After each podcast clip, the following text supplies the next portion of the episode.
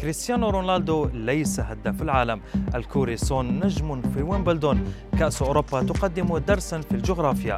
إليكم أبرز أخبار الرياضة في الساعات الأربع والعشرين الماضية في دقيقتين على العربية بودكاست. عشاق كرة القدم احتفوا بوصول كريستيانو رونالدو لرقم الإيراني علي دائي كأفضل هداف على مستوى المنتخبات ومن المنتظر أن يكسره في الفترة المقبلة.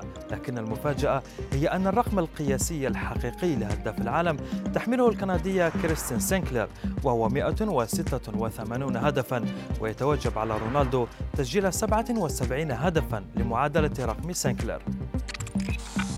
يبدو أن نجم توتنهام الكوري سون قد سئم من اللعب دون تحقيق ألقاب مع النادي الإنجليزي ليتحول إلى لعبة التنس. سون اقتحم بطولة ويمبلدون إحدى بطولات الأربع الكبرى وأصبح أحد الوجوه الدعائية لماركة ملابس ترعى بطولة الجراند سلام.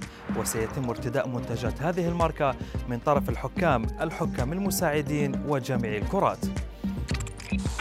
قبل مواجهة فرنسا والبرتغال انتقل الآلاف من المشجعين الفرنسيين لمؤازرة أبطال العالم لكن جهل ستة مشجعين بالجغرافيا جعلهم يسافرون إلى بوخارست عاصمة رومانيا بدلا من بودابست عاصمة المجر.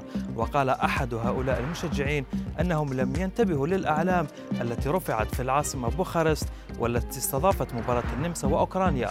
ظنا منهم أن علم أوكرانيا هو علم المجر.